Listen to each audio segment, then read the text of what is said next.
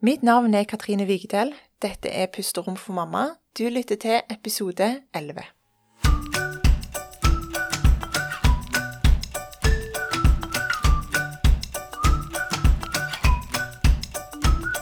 Pusterom for mamma er en podkast til alle småbarnsmammaer som tørker tårer, vasker klær, bygger Duplo, oppdrar barn og føler seg litt ensomme. Her får du oppmuntringer og inspirasjon til hverdagen. Så kjekt å ha deg med.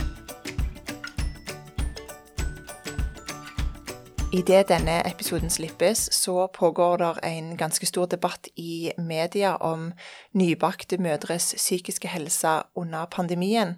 Eh, dette med at smittevern har vært viktigere enn hensynet til mor og barn, og at mange mødre rett og slett sliter psykisk etter fødselen pga. manglende støtte. En, en har f.eks. begynt å få tall som tilsier at eh, fødselsdepresjon har økt med 75% siden mars 2020, når eh, pandemien starta.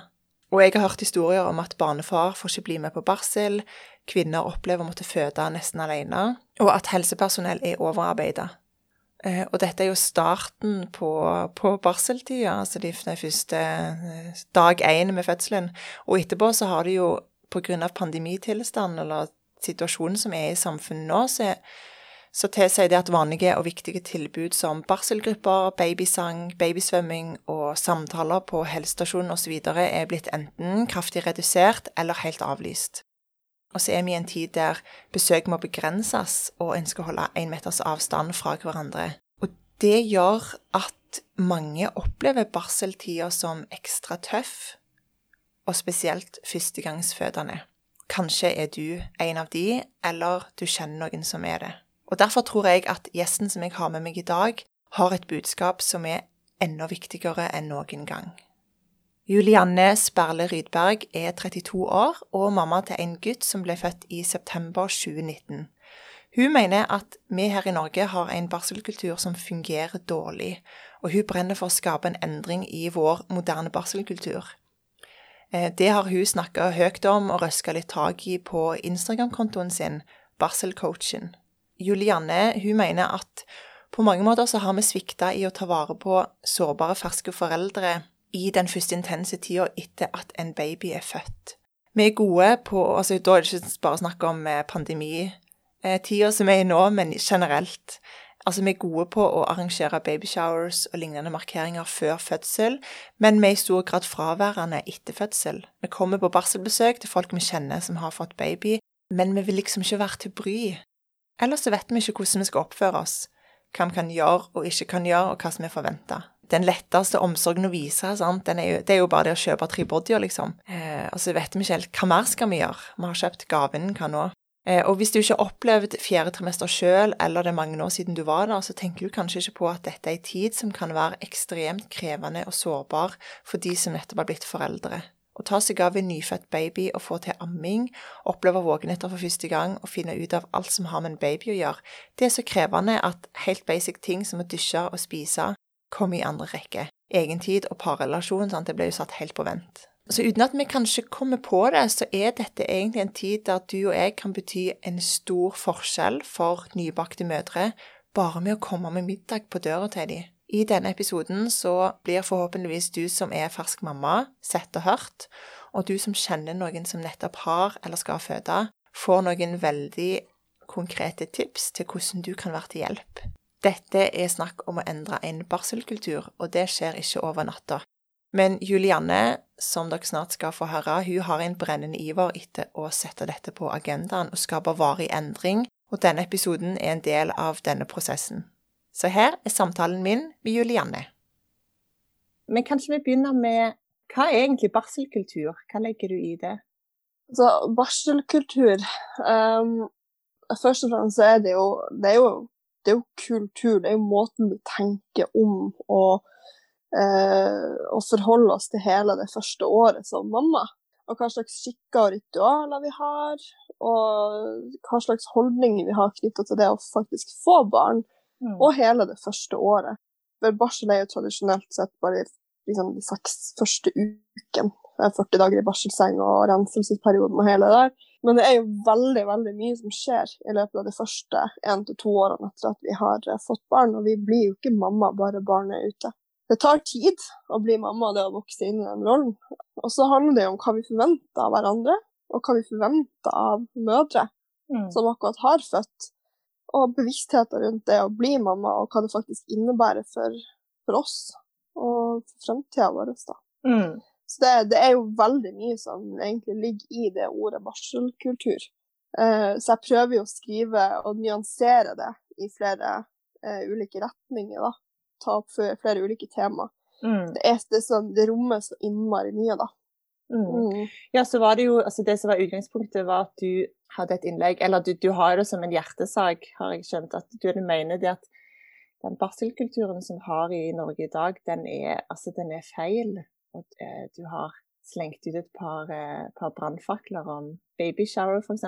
Hva, altså, hva skal vi egentlig med det? Det er tida etter mm. fødsel som er viktigst, og der der har vi svikta helt. Eh, hva, hva, hva, tenker du på? Altså, hva er det som er galt med den kulturen vi har i dag? Den er den er altfor materialistisk. Eh, den er i veldig stor, knyttet, stor grad knytta mot ja, hva, hva, man skal si. Det, det, det, er egentlig flere ting man kunne ha sagt her. For det første så er det jo ekstremt materialistisk. Så vi har jo, som du nevnte, baby showers, som, uh, som fokuserer mye på ting.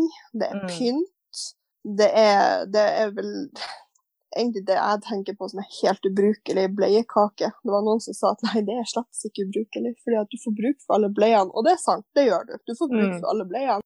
Men så er det det her med at du lager masse, du lager masse oppstyr, det er, det er, masse pynt, det er masse leker, og det er kjempestas å bli gjort, eh, å bli gjort liksom så stas på. Men så kommer barnet, og så forsvinner mm. folk. Og det har vist seg å være en sånn gjennomgående eh, trend. Eh, at man lager masse oppstyr i forkant av fødselen, og så skjer det ikke noe mer etterpå. Så sitter mor der helt alene uten mm. den støtta.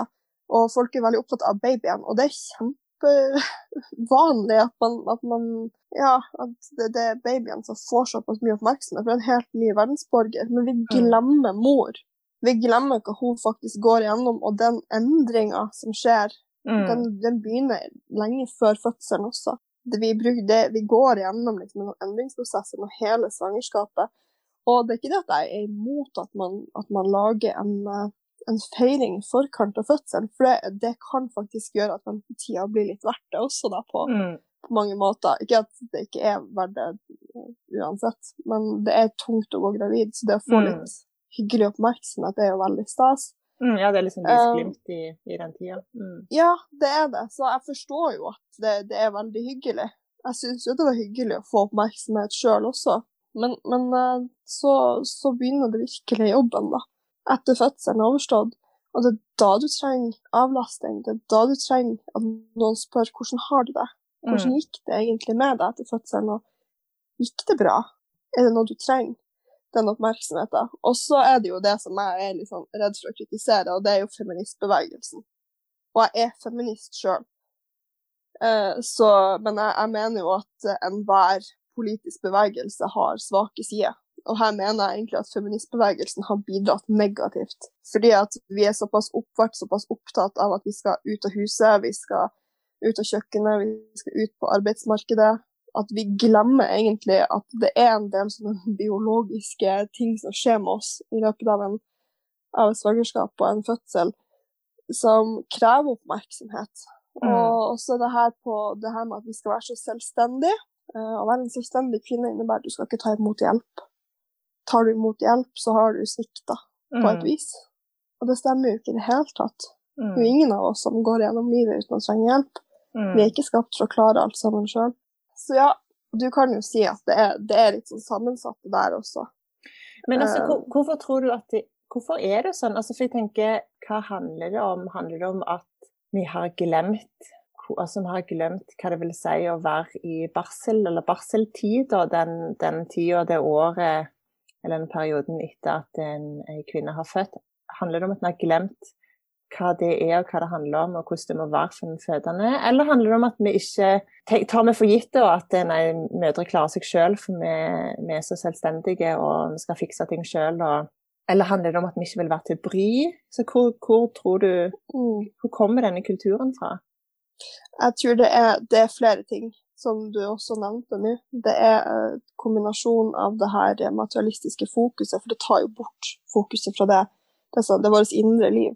Og så har du det her med nevnte med feministbevegelsen, men så har du jo også det fremveksten av velferdsstaten mm. har gjort at vi har Den har overtatt mange av familien sine funksjoner, mm. sånn som det var tradisjonelt sett når vi bodde i mindre samfunn. Mm. Uh, vi hadde flere folk rundt oss i hverdagen, og kvinner var hjemme. Vi hadde gjerne mor og svigermor, og vi hadde søstre, vi hadde venner, vi hadde naboer som slo mm. ring rundt deg. Når alt annet av velstand vokser frem i samfunnet, mm. og vi blir tatt ut av hjemmet og havner i, i arbeid, mm. så forsvinner jo automatisk mange av disse skikkene og ritualene. Og Norge har også hatt andre barselritualer. De er bare ikke så mye snakka om. Så, så det, det, er nok eh, det er, Man kan liksom ikke sette fingeren på én ting. Dette er jo en, en, gradvis utvikling som har gått over en hundreårsperiode. Og i løpet av de hundre årene så har det skjedd enorme omveltninger i mm. samfunnet. Vi har blitt globalisert, vi har blitt påvirka av kultur utenfra. Og, og, det her, eh, og det her med barselkultur det er jo ikke noe som er særegent for Norge. Det er jo mm. et vestlig fenomen. At jo mer velstand vi har fått, jo mer materialistisk har vi blitt. Og Vi vet jo at i, i, sammenheng med det så har jo også antall ja, psykiske lidelser har jo økt. Vi er stressa. Vi er mye mer individfokusert. Vi har veldig mye mindre fokus på fellesskapsfølelsen og fellesskapsånden og, og sånn som det var, sånn som man måtte ha før for å mm. overleve. Så det her det jo, det henger jo sammen med en, en rekke økonomiske og sosiale, psykososiale prosesser. Så jeg tipper vi kunne ha skrevet en doktorgrad om det her hvordan er det for en mamma som kommer hjem da, den første, den første tida og ikke, ikke blir ivaretatt og ikke har besøk, ikke får så mye omsorg? Ja, jeg tror at hvis du ikke vet bedre, hvis du tenker over Hvis man egentlig tenker over så tror jeg det er fryktelig mange som er så vant til at det er sånn her det har blitt, at de tenker ikke over at det kunne ha vært noe annerledes. De mm. opplever usikkerhet og utrygghet og en, en enorm følelse av overveldelse. Og og for noen så er jo barseltida helt fantastisk, men, mm. Men, for veldig mange så er den jo også ikke det. Mm. Og det må være rom for begge deler. Og uh, jeg vet jo at det er fryktelig mange som syns at det er veldig vanskelig, for de vet ikke hva de skal gjøre. Amminga er ikke på plass. Det har vært mm. nedskjæring i barselomsorgen, så veldig mange drar jo fra sykehuset uten at amminga er på plass, så skal de finne ut av det her sjøl. Og så har de kanskje en, en, en far som eh, enten så er han stødig som et fjell, eller så springer han kanskje rundt litt hodeløs høns. Det, det, her, det her er jo veldig, det er jo veldig individuelt hvordan man opplever de her tingene. Ja. Um, men jeg tror min hypotese er jo det at hvis man er bedre forberedt, og da tenker ikke jeg kun på mor, da tenker jeg på nettverk, hennes nett, nærmeste nettverk, hvis mm. alle er forberedt og har spesifikke oppgaver de kan utfylle, så vil den bare, bare den, den, følelsen av å vite at du har noen rundt deg mm. som du kan søke hjelp hos, sånn utenom sykehuset og helsesøster og, og jordmor, så vil, kanskje, vil man kanskje finne en ro som man ellers ikke ville ha hatt. Og da er det kanskje litt lettere å falle til ro. Hva, altså, eh, nybakte mødre i, og fedre i den situasjonen, hva tenker du de har aller mest behov for? Altså, hva, hvilket behov er mest prekært, eller hvilke behov da i den første tida? Det er jo uh, veldig individuelt og veldig, uh, og veldig avhengig av uh, Har de barn fra før av, f.eks.? Uh, for det er jo forskjell på én og nummer to og nummer tre. Mm. men jeg tror at uansett så er de mest praktiske gjøremålene er nok det beste stedet å starte. Fordi vi har så forskjellige emosjonelle behov. Og vi har så forskjellige behov for hvor mye besøk vi vil ha, og hvor tidlig, og, og i det hele tatt. Uh, vi har forskjellige grenser. Men det å ha, ha, noen som du vet kommer innom med mat, så du slipper å tenke på den biten. Mm. Maten, den står klar. Du har noen som tar seg av klesvasken, så du vet at den kommer ikke til å hope seg opp på, på baderommet eller på vaskerommet eller noen som kommer innom og tar støvsugeren fatt. Mm. Hvis de kommer innom på besøk, så er det et kort besøk, eller så lenge som mor er komfortabel med, mm. og så mm. gjør de nytte for seg. Fordi det er mm. ikke tid for å være sosial, det er tid for å støtte. mm. og avlaste. Og, men, men, og noe av det som er absolutt viktigst, og, det, og jeg tenker at det her er det vi sliter mest med, er det her emosjonelle, den emosjonelle støtta. Mm. Vi tror det at skal vi være til stede emosjonelt for hverandre, så må vi ha alle svar. Vi må ja. kunne fikse problemene til andre. Mm. Og hvis mor har hatt en traumatisk opplevelse på sykehuset, så er det ikke sånn at din jobb som pårørende eller eh, besteforeldre eller partner eller, eller uansett, det er ikke deres oppgave å fikse de problemene og gjøre det bra igjen. Det er rett og slett din oppgave er bare å være der og lytte og ha aksept for at det her har vært vanskelig. Mm. Ikke bagatellisere, ikke, og for all del ikke si ja, men tenk nå på tenk nå hvor fint det er at du har et barn. Mm. Det sier jo seg sjøl at alle vet jo at har du fått et friskfødt barn, så er det fantastisk. Men du trenger, andre, du trenger å, å, få ivaretatt dine andre behov mm. for å kunne ta vare på det her barnet. Og det har vi en tendens til å glemme litt. Og det ja. tror ikke jeg at noen glemmer fordi at de er ondskapsfulle. Vi bare vet ikke bedre. Mm. Vi er litt uopplyst her. Jeg tror òg det, og jeg tror at det, ofte så kan en konkludere med at har fødselen gått bra og barnet er friskt, og mora er relativt, i relativt god form, så er alt bra, på en måte. Men men en sier jo òg at en, en, fødsel er en traume. Altså det er en traumatisk opplevelse å føde, selv om det har gått veldig bra. Mm. Så jeg syns det er veldig viktig, det er veldig bra det du sier, at det er ikke de, den som kommer på besøk, da har ikke et ansvar for å komme med svar eller klare å stå i den traumen eller de, den emosjonelle berg-og-dal-banen som, som en hormonell nybakt mamma kanskje kanskje mm. står i rett etter fødsel, men rett og slett bare, bare være der. Mm, være til stede.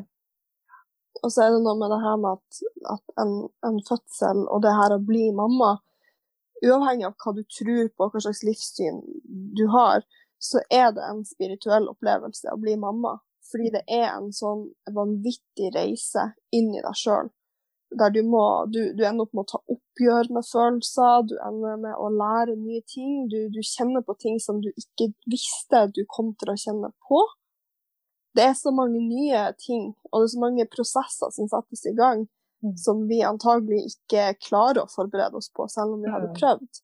Og, og det å ha respekt for den der fasen og den prosessen som, som både kroppen og psyken i som liksom da er på en måte i symbiose med hverandre, da, skal, skal klare å, å, gå igjennom. Det å være bevisst på at den faktisk er en del av prosessen med å bli mamma, det tror jeg kunne ha hjulpet oss å forstå hvor, hvor enormt viktig det er å støtte mødre.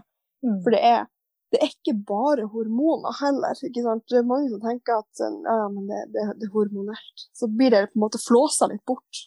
Men det, det, er mye mer enn hormoner, det her med å bli mamma. Det, ja, hvordan skal man egentlig forklare det å bli mamma?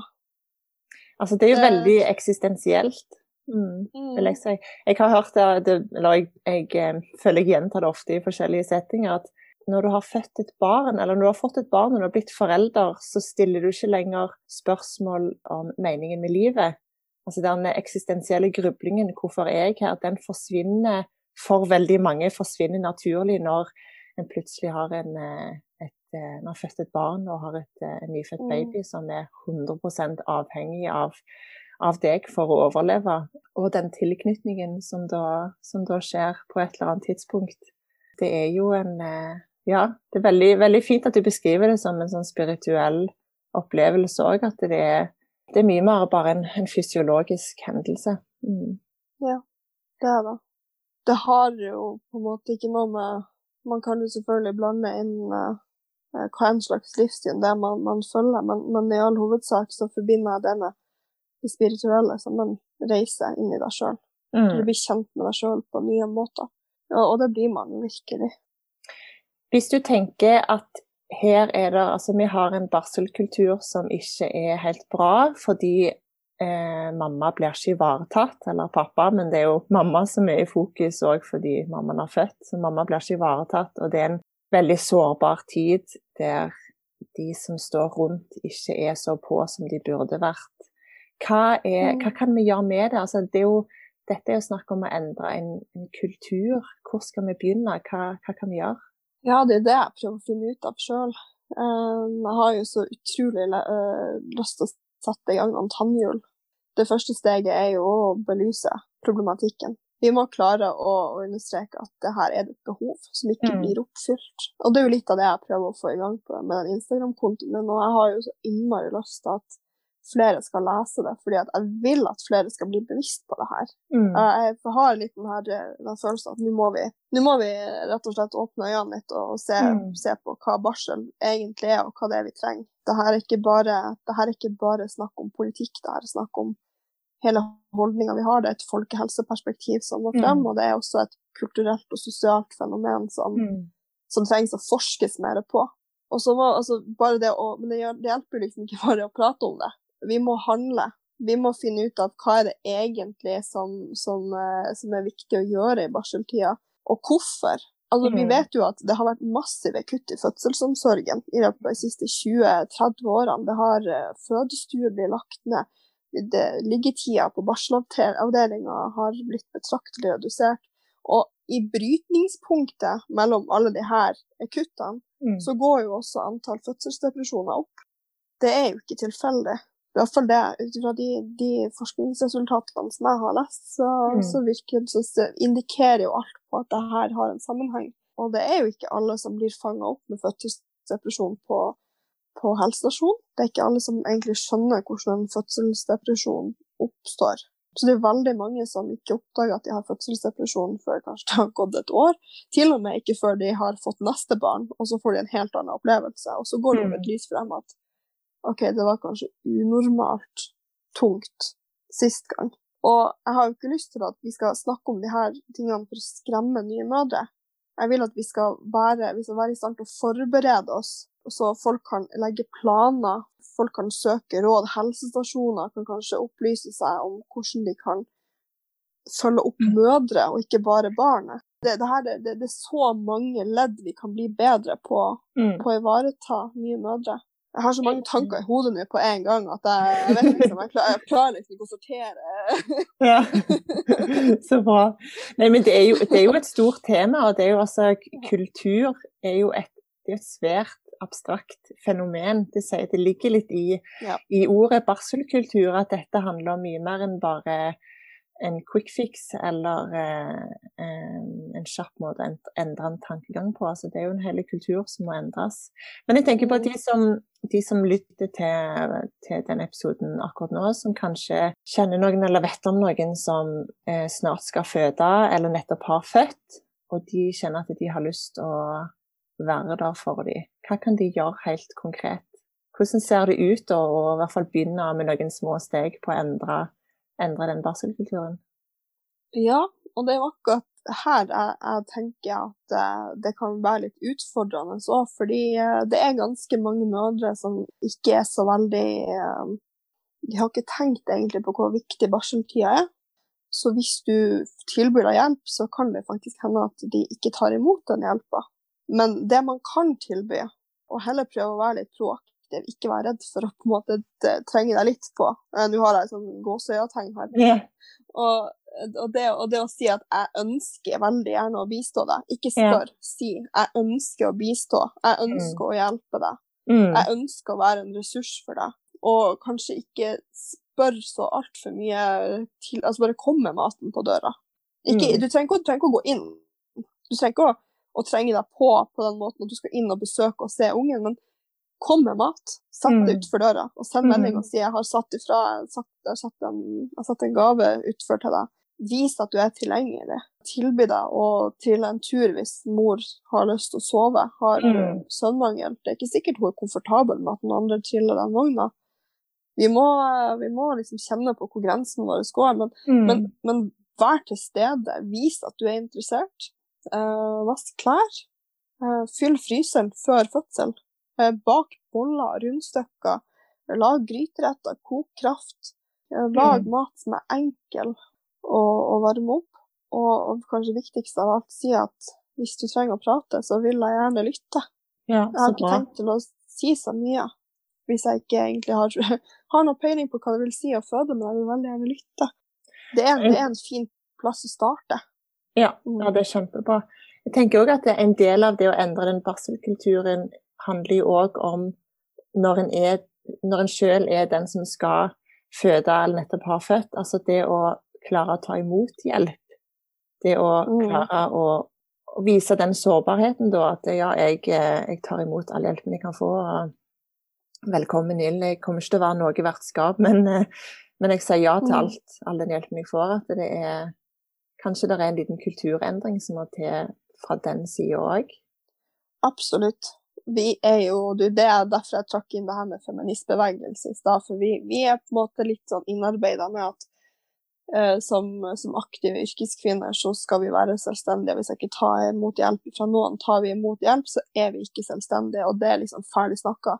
Men akkurat det her med å få barn, selv om vi tenker at det her det er ingen andre som skal blande seg inn i hvordan jeg gjør ting, så er det faktisk eh, fra ja, fra gammelt av ikke en, en, en selvstendig oppgave å oppdra barn. Vi er avhengig av andre mennesker rundt mm. oss.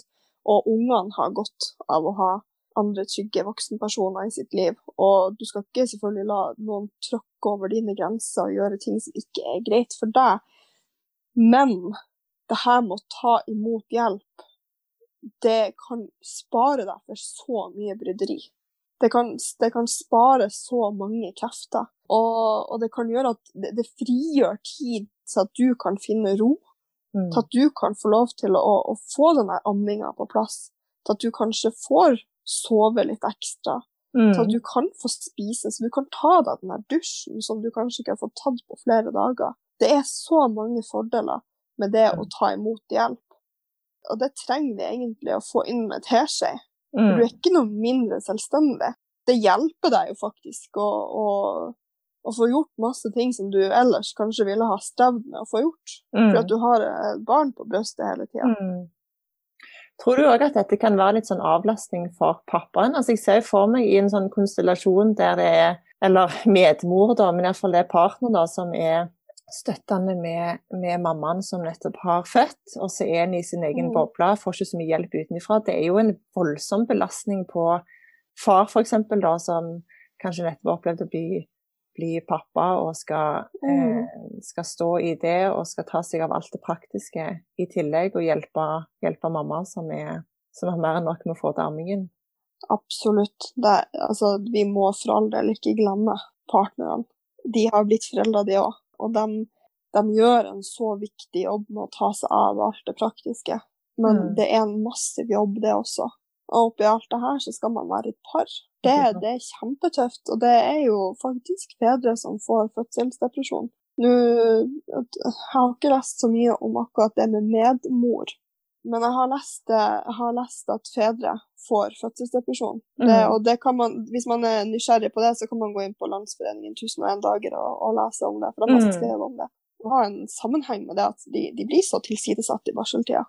Og jeg for min del, jeg tenkte egentlig ikke så mye over det, hvor mye jeg satte min mann til side. Han telte faktisk hvor mange ganger vi kyssa i løpet av de første to månedene. Og, eh, ja, for det var så få ganger. Eh, jeg tror var, Vi landa vel på 17 ganger ja. på to måneder. Det er ikke mange ganger. Men jeg, jeg, klar, klarte, jeg klarte ikke å ha han i fokus. Ja. Og han sprang jo rundt, og han, han, han vaska kjøkkenet og lagde mat og vaska klær og bretta klær. Og på kvelden når sønnen vår ikke falt til ro, så var det han som byssa. Mm. Det er jo kjempeslitsomt. Jeg skulle gjerne ha hatt noen som kom innom og, og, tok seg av alt det praktiske, så vi bare kunne få lov mm. til å, å få litt ro, alle tre. Og få mm. til å kjenne litt på hva det ville si å, å være foreldre i denne fasen.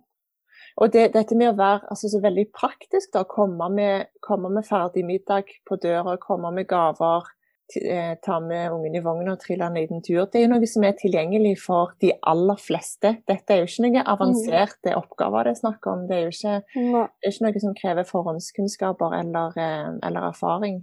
Nei, vi må kunne skille, skille liksom rollen med å være hobbypsykolog og det å bare være en, en tilstedeværende eh, venn eller et mm. familiemedlem. Mm. Det, det, er ingen, Du skal ikke ha en doktorgrad for å komme på varselbesøk. Det her, er helt elementære sosiale ritualer. Og det her var helt vanlig før i tida. Mm. Hvis du går tilbake til altså Barselgrøten i Norge den mm. dateres jo tilbake til før vikingtida. Og, og, før så var det faktisk såpass stort det å få barn at man hadde egne sånn her, det ser ut som sånn kaketine med flotte sånn rosemalerier, og du hadde egne grøtkjerringer som gikk rundt fra gård til gård med, med denne grøten. Og den, den, skulle være feit, og den skulle være næringsrik, og den var toppa med egg. Det høres ikke godt ut i det hele tatt, men det var, men det var kjempeviktig, fordi de hadde skjønt at mor trenger hvile, mor trenger næring, og det her det er ikke tid for at hun skal verken stå og lage mat eller gjøre husarbeid. Så i veldig mange skikker som man finner over hele verden, så er det vanlig at nye mødre bor hos foreldrene sine de første seks ukene. Mm. Fordi at de skal ikke gjøre noe annet enn å amme. Og det er jo kjempeslitsomt i seg sjøl. Og de mener jo, det har jo ment at hvis du bor hos deg sjøl i de seks ukene, så er fristelsen så stor at du kan ende opp med å gjøre husarbeid, og det skal du ikke gjøre. Jeg tror ikke de fleste av oss har lyst til å flytte inn til svigers eller foreldrene våre når vi har født. Vi, vi liker å være hos oss sjøl, de aller fleste av oss. Men det er så viktig å ta imot den hjelpa. Og, og, det er så viktig at folk tilbyr seg den hjelpa. Mm. Men man bør kanskje ha en sånn her um, forventningsavklaring på mm. forhånd. Tror du den forventningsavklaringen handler om at rollene egentlig bytter om? Altså at det er, det, det er ikke den som bor i huset som er vertinne, det er de som kommer på besøk som er vertskapet? Ja, mm. fordi at uh, hvis, du, hvis, du, da eh, tar på deg rollen som ei god gammeldags grautkjerring, da kommer du på besøk, og så er det du som er vertskapet for mor. Men altså for all del, hvis, hvis, mor har veldig lyst til å være vertskap, og hun har overskuddet til det, så må hun jo få lov til det. Det er jo ingen som skal liksom nekte. Men nei, det her får du absolutt ikke lov til. Ja. Det, det, det, må jo få lov til å kjenne på sjøl ut ifra hvilken form hun er i. Mm. For noen de, de, hopper jo tilbake med en gang, mens andre de gjør ikke det. Men det, er, det bør være en sånn tommelfingerregel at når du kommer på barselbesøk, så har du alltid med deg noe du kan servere. Og du setter på kaffen. Jeg har jo to, to barn. Jeg husker jeg fødte den første to ukene etter at eldstejenta var født. Da hadde vi jo Det var jo én ting at vi hadde veldig lite besøk. Jeg husker jeg var, jeg var veldig lei meg, for, både fordi jeg var, jeg var hadde veldig lyst til å vise fram jenta vår. Jeg hadde lyst til at andre skulle ta del i den gleden. Men jeg kjente òg at dette har jeg ikke lyst til å være alene om. Jeg trengte det, jeg trengte det fellesskapet og den, den nærheten. Og jeg husker det var enkelte som sa litt sånn etter, etter nyheten var ute om at nå hadde, hadde jeg født og jenta vår var, kom til verden osv., så, var litt sånn Holdningen var litt sånn vi gir et par-tre uker, og så kommer vi på besøk. Vi skal la dere få finne roen først, eh, mm. og liksom lande litt, og så kommer vi.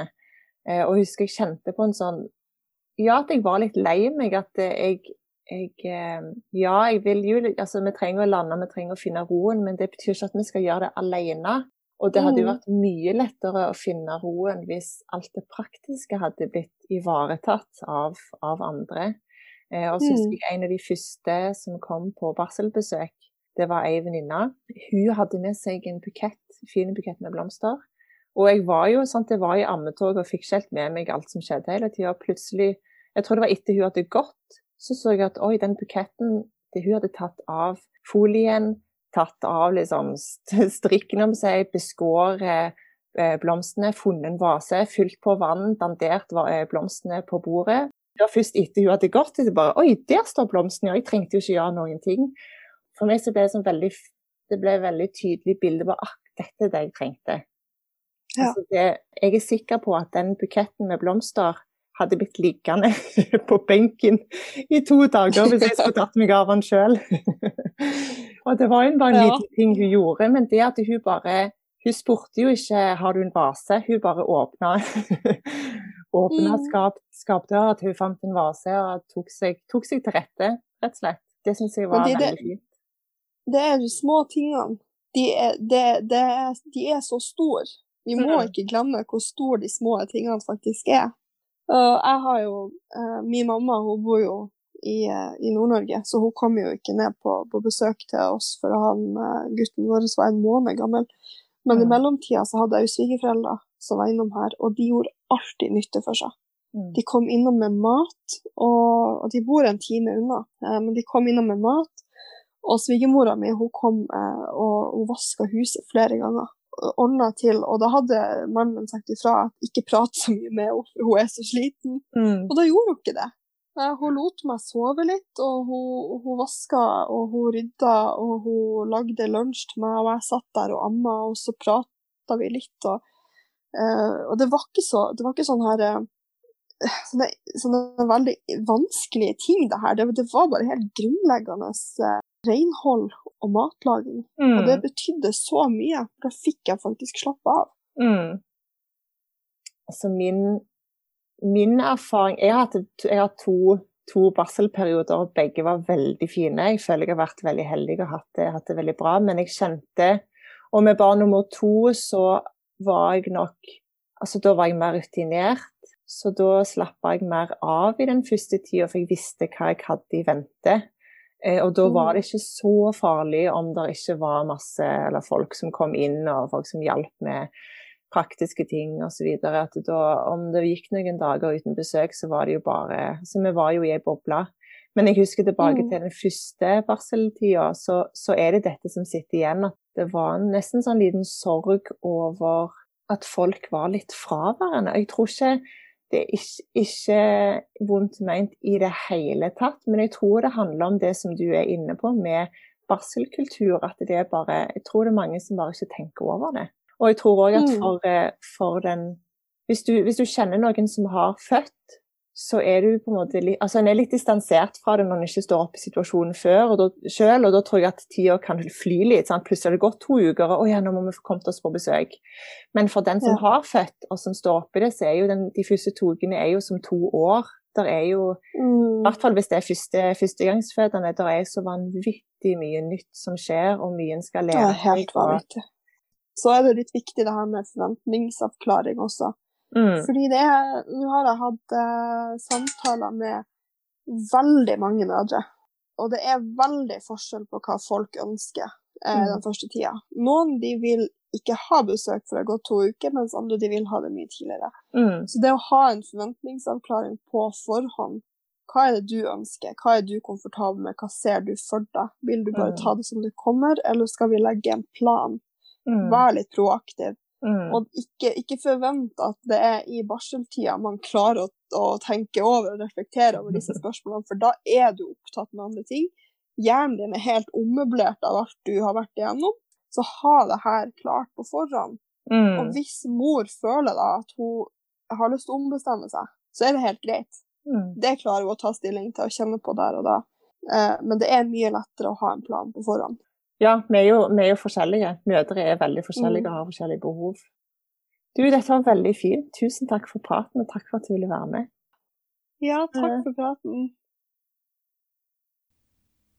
Ja, det var praten min med Julianne. Veldig, eh, veldig interessant, veldig inspirerende, syns iallfall jeg. Eh, men jeg har veldig lyst til å høre hvordan du opplevde din barseltid. Spesielt de første seks ukene. Så hvis du har lyst til å dele, så fortell meg gjerne på Instagram enten i feeden, altså da heter jeg jo om for mamma, enten i feeden eller i privatmelding om hvordan det var. Men grunnen til at jeg spør, er fordi jeg har oppriktig lyst å vite hvordan har det vært både i pandemitid nå, men, men, for kvinner generelt. Hvordan har du opplevd barseltida, altså de første seks ukene primært, med tanke på dette med å bli ivaretatt og få hjelp og, og føle at du ikke er alene om alt som, alt som er nytt? For jeg tror at vi trenger fortellingene. Vi trenger de personlige erfaringene. Eh, og vi trenger å kjenne at vi ikke er alene. Du er ikke alene. Og jeg vil bare si takk for at du har lytta til denne episoden. Jeg håper den var til hjelp. Og husk at du er høyt elska, høyt verdsatt og en god nok mamma. Vi snakkes.